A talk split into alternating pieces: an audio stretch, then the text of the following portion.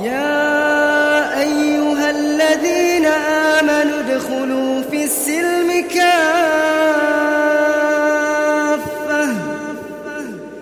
ادخلوا في السلم كافة. ادخلوا في السلم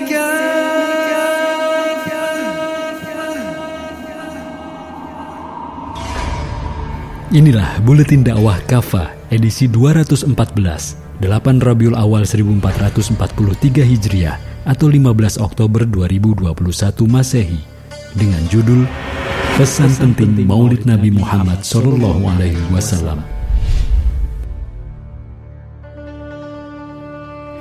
Mayoritas umat Islam meyakini bahwa mengenang momentum hari kelahiran atau Maulid Nabi Muhammad Sallallahu Alaihi Wasallam sangatlah penting tidak lain agar kita mampu menjadikan beliau sebagai satu-satunya sosok pegangan, model perilaku, dan suri toladan atau uswah dalam semua aspek kehidupan. Sungguh dalam diri Rasulullah Shallallahu Alaihi Wasallam terdapat suri toladan dalam berkeluarga, bermasyarakat, dan bernegara. Mengenang kelahiran Nabi Shallallahu Alaihi Wasallam juga agar kita bisa merealisasikan teladan beliau dalam menjalani hidup dan menata kehidupan. Dengan itu kita bisa sukses dunia dan akhirat. Semua teladan itu bisa kita dapati pada diri Rasul Shallallahu Alaihi Wasallam.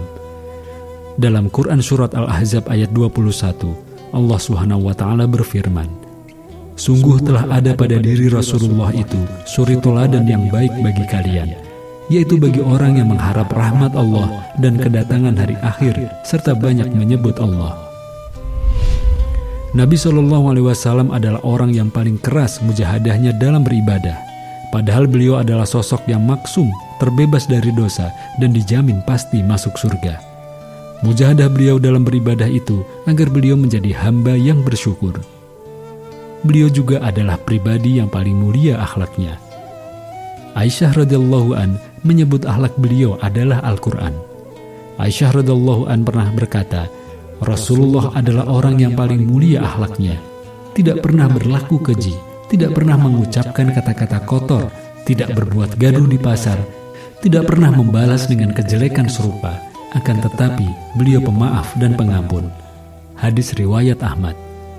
Beliau pun paling baik terhadap wanita. Beliau juga teladan terbaik dalam bertetangga, bergaul, berteman, berkawan, dan bermuamalah. Dalam semua itu kita diperintahkan untuk menjadikan beliau sebagai toladan dan model panutan. Kehadiran Rasulullah Shallallahu Alaihi Wasallam dengan Islamnya di tengah-tengah umat manusia adalah untuk mengatur seluruh aspek kehidupan mereka, baik dalam lingkup akidah, ibadah, muamalah, hingga siasah atau politik. Jelas, Islam datang untuk mengatur kehidupan manusia, bukan untuk diatur oleh manusia sebagaimana yang dipahami oleh orang-orang sekuler liberal. Teladan Rasul Shallallahu Alaihi Wasallam bukan hanya dalam aspek akidah, spiritual, moral, dan sosial saja. Tidak boleh keteladanan beliau hanya dibatasi pada aspek-aspek itu saja, sebab jika demikian, hal itu sama saja mengkerdilkan sosok beliau Beliau juga memberikan teladan kepemimpinan dalam bernegara, berpolitik dalam dan luar negeri, menjalankan pemerintahan, menerapkan hukum, dan menyelesaikan persengketaan. Teladan Rasul Shallallahu Alaihi Wasallam dalam semua aspek itu harus kita contoh. Kita harus berusaha merealisasikan keteladanan beliau di dalam menjalani hidup dan mengelola kehidupan. Hal itu sebagaimana yang Allah taala perintahkan kepada kita. Apa saja yang Rasul berikan kepada kalian, terimalah. Apa saja yang dia larang atas kalian, tinggalkanlah. Bertawakallah kalian kepada Allah. Sungguh Allah amat keras hukumannya. Quran Surat Al-Hasr ayat 7 Topik pembicaraan ayat ini memang berkenaan dengan harta gonimah dan fa'i atau harta rampasan perang. Namun demikian, makna ayat ini bersifat umum, meliputi segala yang Rasul Shallallahu Alaihi Wasallam berikan dan segala yang beliau larang, termasuk di dalamnya perkara fa'i. Maka dari itu kita harus totalitas menjadikan Rasulullah Shallallahu Alaihi Wasallam sebagai panutan dan suri toladan dalam segala aspek, baik dalam aspek individu, keluarga maupun negara. Kecuali tentu saja hal-hal yang menjadi kekhususan bagi beliau saja atau khawasur Rasul sebagaimana diterangkan oleh para ulama usul. Salah satu aspek teladan Rasul Shallallahu Alaihi Wasallam yang saat ini penting untuk diaktualisasikan adalah teladan kepemimpinan Rasul Shallallahu Alaihi Wasallam. Teladan kepemimpinan Rasul Shallallahu Alaihi Wasallam itu, ketika diaktualisasikan di tengah kehidupan, akan bisa menyelesaikan problem-problem yang mendera masyarakat modern saat ini, sekaligus membawa pada kehidupan yang dipenuhi ketenteraman dan berkah. Bagi kita kaum muslim, hal itu tentu kita yakini seiring dengan keyakinan kita terhadap Islam yang Rasul Shallallahu alaihi wasallam bawa kepada kita.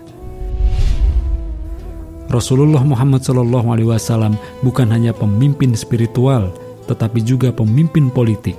Dalam konteks saat ini, beliau dapat disebut sebagai pemimpin negara.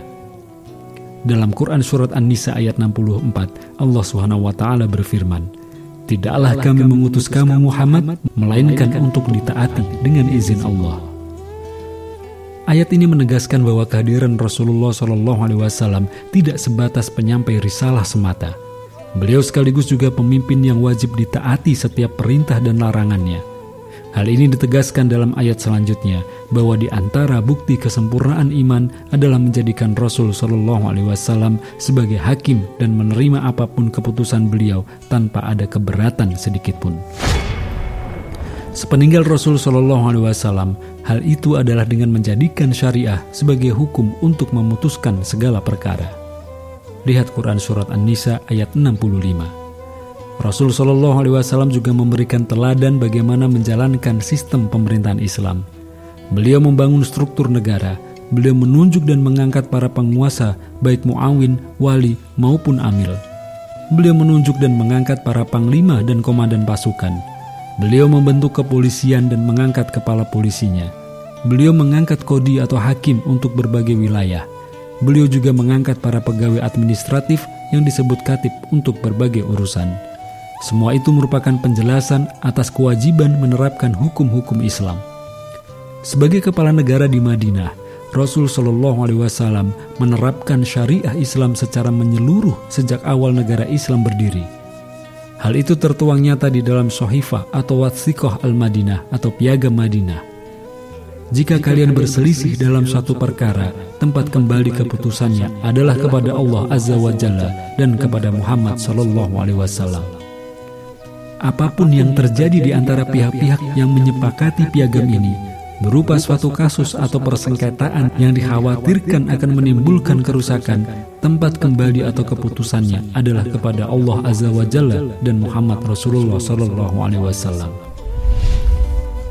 Dalam menerapkan syariah itu, Rasul Shallallahu Alaihi Wasallam sangat konsisten. Misalnya beliau menolak permintaan untuk meringankan hukuman terhadap wanita terpandang yang mencuri, meski permintaan itu disampaikan oleh orang yang sangat dekat dengan beliau.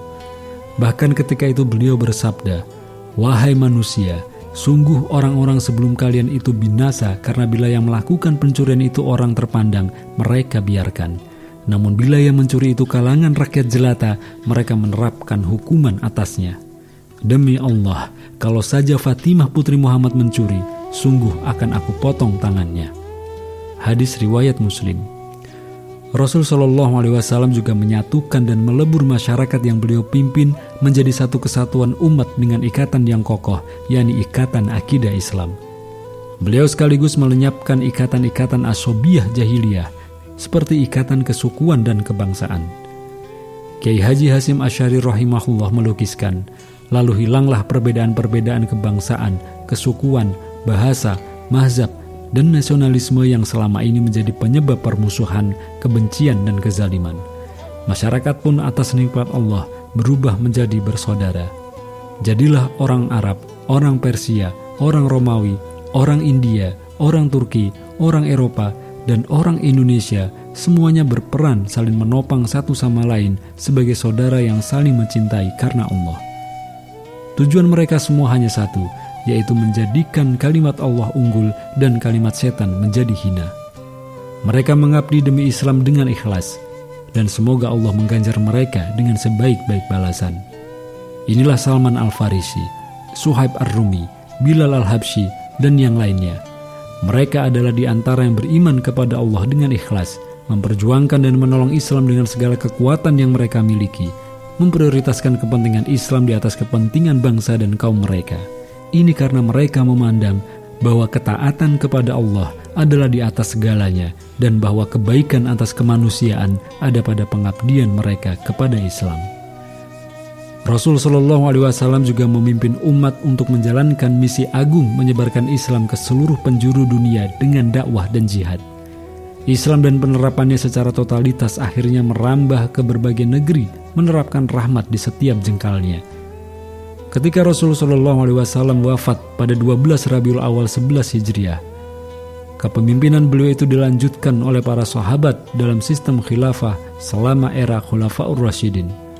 Kepemimpinan itu merupakan sunnah khulafur rasyidin yang juga Rasul Shallallahu Alaihi Wasallam perintahkan untuk kita pegangi.